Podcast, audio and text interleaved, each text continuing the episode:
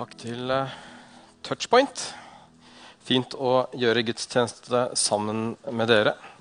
Jeg heter Knut Moholt er hovedpastor her i Misjonskirken. Og Touchpoint var veldig tydelig på at når det først var Touchpoint-gudstjeneste, da trengte de en litt ungdommelig taler. Så takk skal dere ha.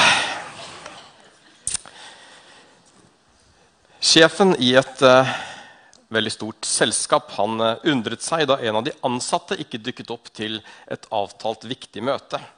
Så han prøvde å ringe han på mobiltelefonen, men fikk bare opptatt signal.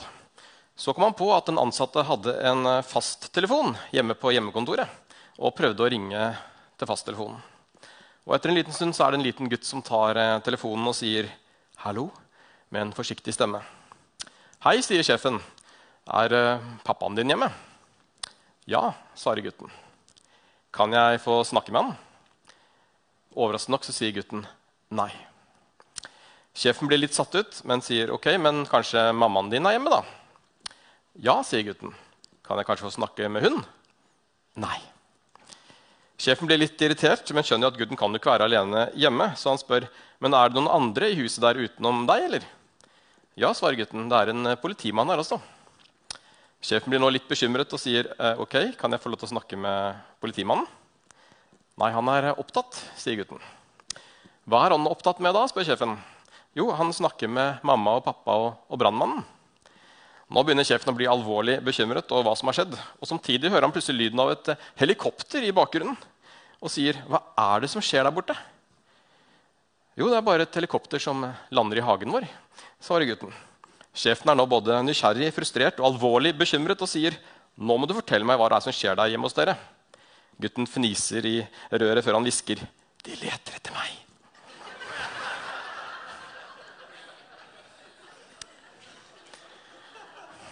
Og sånn er det jo når noe dyrebart blir borte. Så vil vi som regel lete etter det og antagelig glemme alt annet og fokusere på det til vi finner det eller den. Og I dag så har jeg altså kommet fram til eh, del tre av vår taleserie Forvent mer. som Nicole også sa, og Temaet i dag er altså 'Fra tapt til funnet'.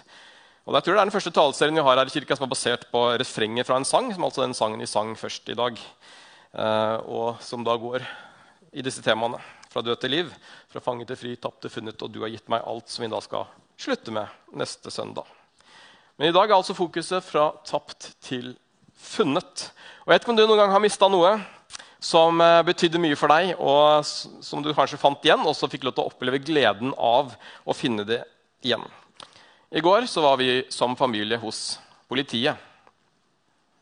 Nå står det i manus. La den henge noen sekunder før du sier 'for å fornye passet til barna'. Og Egentlig så var ikke pass hovedpoenget, eh, for det har vært lite reiser eh, i det siste. av en eller annen grunn. Men vi tenkte at vår eldste datter Mathea hun skulle få lov til å få seg sitt første bankkort nå som hun snart er ti år. Og for å få bankkort så må du ha pass. Og Passet hennes det gikk jo ut i sommer, for det har vært lite reiser. som sagt, så vi har ikke helt fulgt med eh, så mye på det. Men for at eh, barna også skal få nytt pass, så må foreldrene møte opp på politistasjonen og ta med sine pass. Ikke sant? Det baller på seg. Og så et øyeblikk så var vi også spent på var de gyldige tro. Eh, og det var de heldigvis. Problemet var bare at jeg fant alle passene, bortsett fra mitt eget. Det lå ikke i den vanlige passkuffen som vi har i skjenken i stua. Der fant jeg bare de tre andre sine pass. Og når noe er borte, så begynner jo den vanlige tankerekken. da. Hvor hadde jeg det sist? Og det er jo året da siden jeg var ute og reiste. Jeg kan ikke huske sist jeg var i utlandet. faktisk. Eh, så det gjenstår bare å tenke ok, da får vi bare lete. Så jeg lette i de andre skuffene i nærheten. Kan det ha blitt feilplassert? Ingenting. Jeg lette i noen kofferter. Kan det ligge igjen i en koffert etter en, en reise? Ikke det. Jeg lette i jakkene mine. Kanskje jeg har lagt det på en innerlomme når jeg har vært ute og reist. eller et eller annet for mange år siden. Nei, jeg så i ryggsekken, jeg lette på hjemmekontoret uten å finne passet. Jeg sov i passkoffen en gang til for sikkerhets skyld, som jeg alltid gjør. da vi begynte. Fortsatt ingenting. Eh, og så kom jeg på at jeg måtte bruke passet for tre år siden når jeg bytta bank. For da var det liksom, måtte jeg bruke det som ID i nye banken. Og så tenkte jeg kanskje jeg hatt det med ned til sentrum, kanskje jeg har, kanskje jeg lagt det på kontoret i kirka. Og når jeg sto der da en dag i, på kontoret i kirka og så på den eh, rotete pulten min og tenkte at tenk at det at min datter skal få seg et bankkort, har ført til at jeg kanskje må rydde pulten min. Det er jo rart hvordan det ene fører til det andre. Uansett, Mens jeg sto der og så på det uoverstigelige berget av papirer, så endte historien slik som den alltid gjør når det er noe jeg ikke finner. Min kone ringte og sa at hun hadde funnet det. Og hvor lå det? Jo, det lå i passskuffen, der det alltid hadde lagt. Det hadde bare forskyvet seg litt bakover i skuffen når noen hadde åpnet skuffen. ikke sant? Så helt bakerst så lå det. selvfølgelig. Men selv om man kan kjenne på frustrasjon over at man er dårlig til å leite, så kjente man også på glede. Glede over at passet var funnet, at bankkortet var reddet, og at jeg slapp å rydde pulten. Gleden over at noe som var tapt, ble funnet, det kan man heller ikke oppleve uten at man har mistet noe. Eh, så det er på en måte det gode i det vonde. da. Når man har mistet noe, opplevd frustrasjonen over å miste noe, så kan man også oppleve gleden ved å finne det igjen. Og I Bibelen så finner vi mange eksempler som kan passe til dagens tema.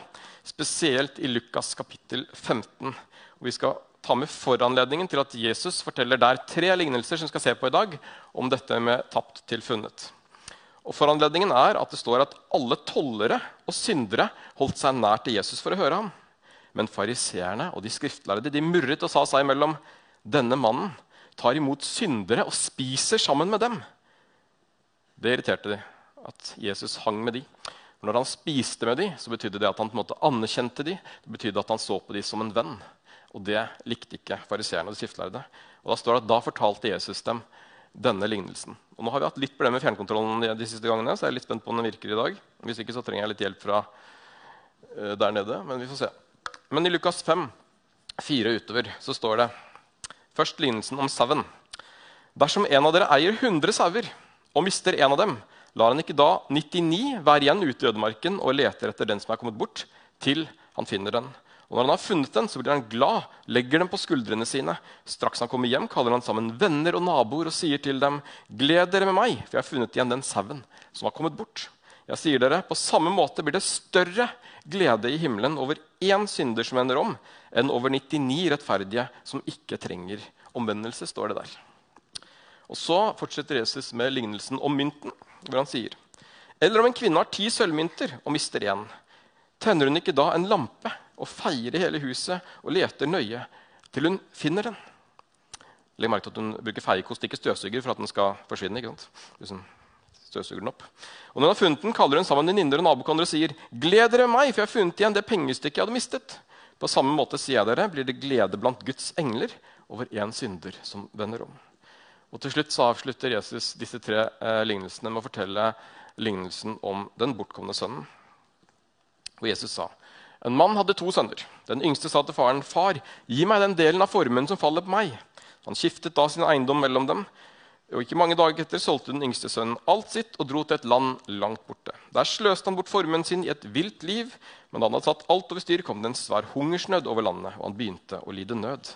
Da gikk han og søkte tilhold hos en av innbyggerne der i landet, og mannen sendte ham ut på markene sine for å passe grisene. Han ønsket bare å få mette seg med de belgfruktene som grisene åt, og ingen ga ham noe. Og så eh, står det videre Da kom han til seg selv og sa, hvor mange leiekarer hjemme hos min far har ikke mat i overflod, mens jeg går her og sulter i hjel? Jeg vil bryte opp og gå til min far og si, Far, jeg har syndet mot himmelen og deg. Jeg fortjener ikke lenger å være sønnen din, men la meg få lov til å være som en av leikarene dine. Og Dermed brøt han opp og dro hjem til faren. Da han ennå var langt borte, fikk faren se ham. Han fikk inderlig medfølelse med ham. Han løp sønnen i møte, kastet seg om halsen på ham og kysset ham. Og sønnen sa, 'Far, jeg har syndet mot himmelen og mot deg.' 'Jeg fortjener ikke lenger å være sønnen din.' Men faren sa til tjenerne sine, 'Skynd dere!' Finn fram de fineste klærne, ta dem på ham, gi ham ring på fingeren og sko på føttene, og hent gjøkalven og slakten, så vi vil spise og holde fest. For denne sønnen min var død og er blitt levende. Han har kommet bort og er funnet igjen. Og så begynte festen og gleden. Og så kunne du slutta lykkelig der, men så står det også videre Imens var den eldste sønnen ute på markene. og Da han gikk hjemover og nærmet seg gården, hørte han spill og dans. Han ropte på en av karene og spurte hva som var på ferde, og de sa, 'Din bror er kommet hjem.' 'Og din far har slaktet gjøkalven fordi han har fått ham tilbake i god behold.' Da ble han sint og ville ikke gå inn. Faren kom ut og prøvde å overtale han, men han svarte faren, 'Her har jeg tjent deg i alle år.' Og aldri har jeg gjort imot ditt bud. Men meg har du ikke engang gitt et skje så jeg kunne holde fest med vennene mine. Men straks denne sønnen din kommer hjem, han som har sløst bort pengene dine, sammen med horer, da slakter du gjøkalven for ham. Faren sa til ham, barnet mitt, du er alltid hos meg, og alt mitt er ditt. Men nå må vi holde fest og være glade, for denne broren din var død, har blitt levende, han var kommet bort og er funnet igjen. Sauen, mynten og sønnen var tapt, men ble funnet igjen. Hyrden som forlater de 99 for å lete etter den ene sauen, er et bilde på Gud og et bilde som brukes mye i Bibelen, at Herren er vår hyrde. Han bryr seg om oss, og hver enkelt er like viktig for Gud. Så når én kommer bort, så tenker ikke Gud at ja, ja, jeg har jo fortsatt 99, det holder det. En sau fra eller til. Nei, han tenker ikke det, men han lar de 99 være igjen i ødemarken. Her er de 99 forresten samlet i ødemarken. Og Det kan jo virke litt skummelt å bli forlatt i ødemarken. Men de 99 de har hverandre. De har flokken. De er tett på hverandre. Så hyrden fokuserer på den ene som er helt alene i ødemarken. Den er i større fare enn flokken, som kan passe på hverandre. Og Det interessante å ta med fra denne lignelsen om sauen, det er at sauen trengte å bli funnet. Gud måtte selv oppsøke det fortapte, og det velger han også å gjøre. Og Det er mange eksempler på mennesker opp gjennom historien som har blitt møtt av Gud. Gud åpenbarte seg for dem. F.eks. Paulus på vei til Damaskus så åpenbarte Gud seg for Paulus. Han søkte det fortapte. Og så ble Paulus funnet der på veien til Damaskus og fikk et møte med Gud. Og Han er bare et eksempel av mange som måtte oppleve akkurat det. I lignelsen om mynten så er det en interessant digresjon at selv om mynten er tapt, så er den fortsatt i huset. Den er ikke langt unna, selv om man ikke kan se den.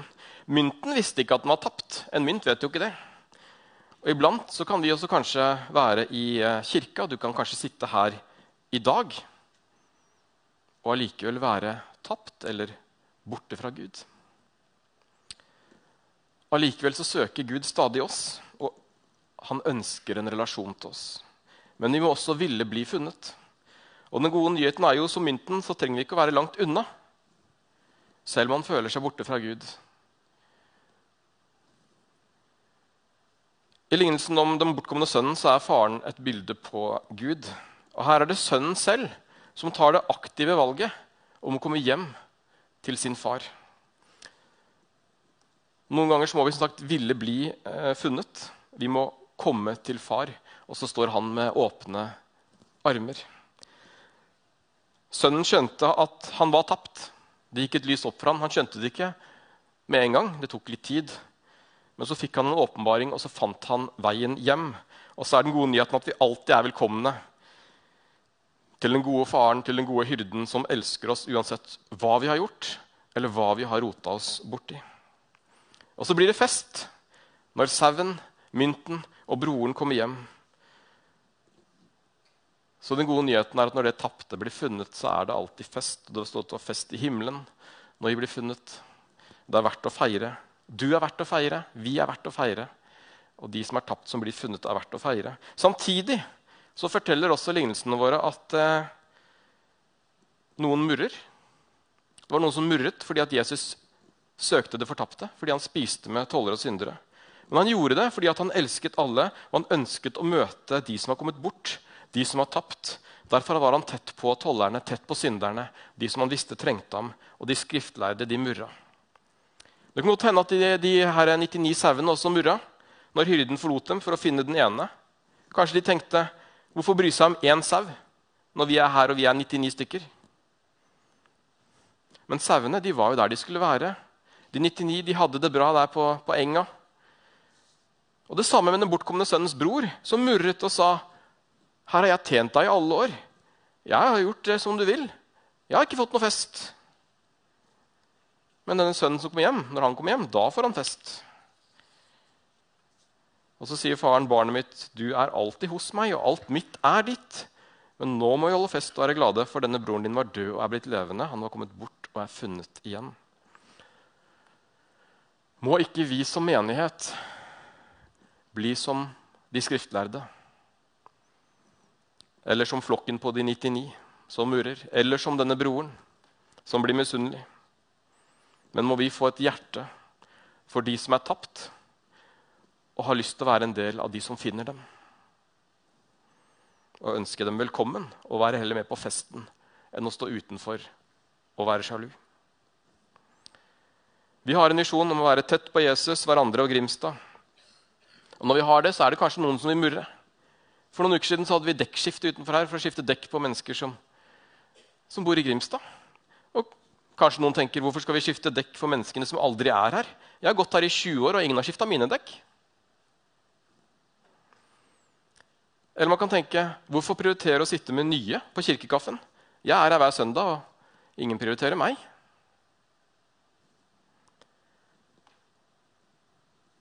Hvordan utfordrer lignelsen om sauen også menigheter? Hvis vi tenker at vi her inne er de 99, hvem av oss er ute og leter etter den siste sauen? Og klarer vi å være tett på hverandre og likevel være tett på byen vår og de som er borte fra Gud? Touchpoint gudstjenestedag og Touchpoints flotte visjon det er å nå mennesker som er borte fra Gud og menighet, og gjøre dem til etterfølgere av Jesus. Det er Touchpoint sin visjon. Nå mennesker som er borte fra Gud. Søke det tapte for å finne det. Det handler om å hjelpe mennesker fra tapt til funnet, som er og bør være også vår visjon og vårt kall. Det var det Jesus var opptatt av.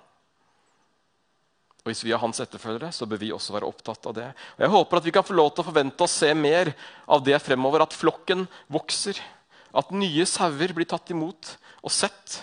Og jeg tror også at det er noe vi trenger iblant å trene oss på. Å være hyrder for de rundt oss, slik at Gud, som Gud er vår hyrde. Så i januar bare nevner nå en digresjon her, så kjører vi i gang et kurs som heter Varmere kirke. 18. januar begynner det. Jeg tror at Det er et viktig tema vi trenger å sette fokus på. Det handler om å se hverandre, bli flinkere til å snakke med hverandre, heie på hverandre, bli flinkere til å inkludere og møte nye. Det kommer snart info på e-post og på Facebook, eh, Facebook, så følg med der. Om en spørreundersøkelse som du kan ta og bruke ti minutter på å svare på. Og Jeg håper at du vil svare på den for å gi oss en, et grunnlag før dette kurset starter i januar. Har, vi har én uke på oss eh, fra i dag til å svare på den eh, der. Så gjør gjerne det. Og du som har gått her lenge, svar på den. Du som bare har vært her et par søndager, Veldig bra om du også svarer på den. Den er egentlig for alle, uansett om det har vært én søndag eller 593 søndager. Så gir det oss en god pekepinn. Så gjør det. Det kommer mer info. Men jeg skal avslutte denne talen med å ha litt mer fokus på dette bildet av eh, sauen og hyrden. Og i eh, Johannes 10, hvis vi får det opp, så sier eh, Jesus Jeg er den gode hyrde. Den gode hyrde gir sitt liv for sauene. Men den som er leiekar og ikke hyrde, og som selv ikke eier sauene, han forlater dem og flykter når han ser ulven komme, og ulven kaster seg over dem og sprer flokken. For han er bare leiekar og har ingen omsorg for sauene. Men jeg er den gode hyrde. Jeg kjenner mine, og mine kjenner meg. Liksom Faderen kjenner meg, og jeg kjenner Faderen. Jeg gir mitt liv for sauene. Har også andre sauer som ikke hører til denne flokken. Også dem skal jeg lede. De skal høre min røst, og det skal bli én jord og én hyrde. Den som hører Guds ord og følger Guds ord, er en del av flokken. Den som følger hyrden. Jesus. Det er det det handler om. Å tro på Jesus, på Guds ord, og følge han. Hyrden søker alltid den fortapte. Hørte du den lyden? Syns jeg hørte et uh, Mæ hmm, Syns det kom fra, fra tolkerommet. Ja, nei Der er jo Der er jo, du. Ulrik. Den fortapte sauen. Kom, bli med. Jeg tar deg på skuldrene.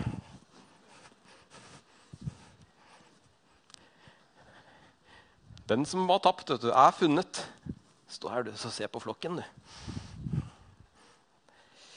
De er akkurat som deg.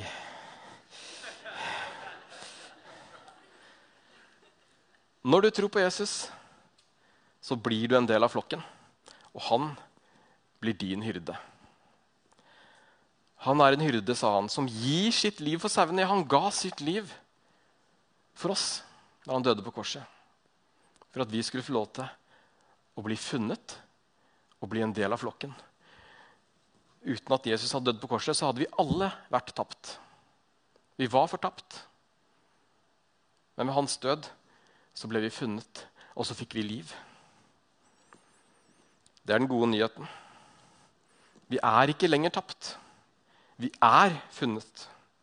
Og Vi kan forvente at han er med, vi kan forvente at han holder sin hånd over oss. At han finner oss, om vi også iblant skulle komme litt på avstand. For det hender det òg, at vi beveger oss kanskje litt i ytterkanten av flokken. At vi går oss litt vill. Litt ut i ødemarken. Og da er den gode nyheten at Gud vil søke oss opp. Hans hjerte banker for oss. Han ønsker en relasjon til oss uansett hvor vi er og hva vi har gjort. Og så er det alltid en vei tilbake, akkurat som det var for den bortkomne sønnen. Og Det kan vi ha en forventning til. Og på slutten av sangen 'Forvent mer', som vi sang i starten i dag, så synger vi 'Vi har mer i vente'. Det gamle ligger bak, for vår Gud er for oss. Vi har mer i vente, det beste foran oss, for vår Gud er med oss. Og det er også det gode. Vi kan få lov til å strekke oss etter det som eh, ligger foran. Vi kan glede oss over at vi ikke er bortkomne. Og så må vi også få en nød til å invitere andre med i flokken og stole på at han er med oss. Og Det er også vårt kall og utfordring. La oss forvente mer. La oss forvente at flere kan komme til. At vi kan få lov til å ha åpne flokken og invitere inn og ta imot nye uten å murre så har vi mange løfter på at han vil være med oss. Så vi skal avslutte med å lese sammen Salme 23. 'Herren er min hyrde'. Og jeg vil at dere kan være med å lese der dere sitter i salen, og så kommer teksten her. Herren er min hyrde. Jeg mangler ingenting. Han lar meg ligge i grønne enger. Han fører meg til vann, der jeg finner hvile, og gir meg ny kraft. Han leder meg på de rette stier for sitt navns skyld. Om jeg enn skulle vandre i dødsskyggens dal, frykter jeg ikke noe ondt, for du er med meg. Din kjepp og din stav, de trøster meg. Du dekker bord for meg like foran mine fiender. Du salver mitt hode med olje, mitt beger renner over. Bare godhet og miskunn skal følge meg og alle mine dager, og jeg skal bo i Herrens hus gjennom alle tider. Amen. La oss be. Kjære far, takk for at du er den gode hyrde. Takk at vi kan få lov til å legge våre liv i dine hender. Takk for at du var villig til å gi ditt liv for sauene, slik at vi som var tapt, kunne bli funnet. Takk for at du har gitt oss alt. Alt det vi trenger, far. Må du hjelpe oss og velsigne oss og være med oss i tiden som ligger foran nå, far. Hjelp oss til å inkludere de som ikke er med i flokken din, far. Hjelp oss til å finne, finne de som er tapt. Hjelp oss å gi oss frimodighet til å møte andre på en god måte, far, og vise hvem du er, slik at du kan bli hyrden til mange flere. Takk at du velsigner denne menigheten og tiden som ligger foran. Takk at du er midt iblant oss. Ber Jesu navn. Amen.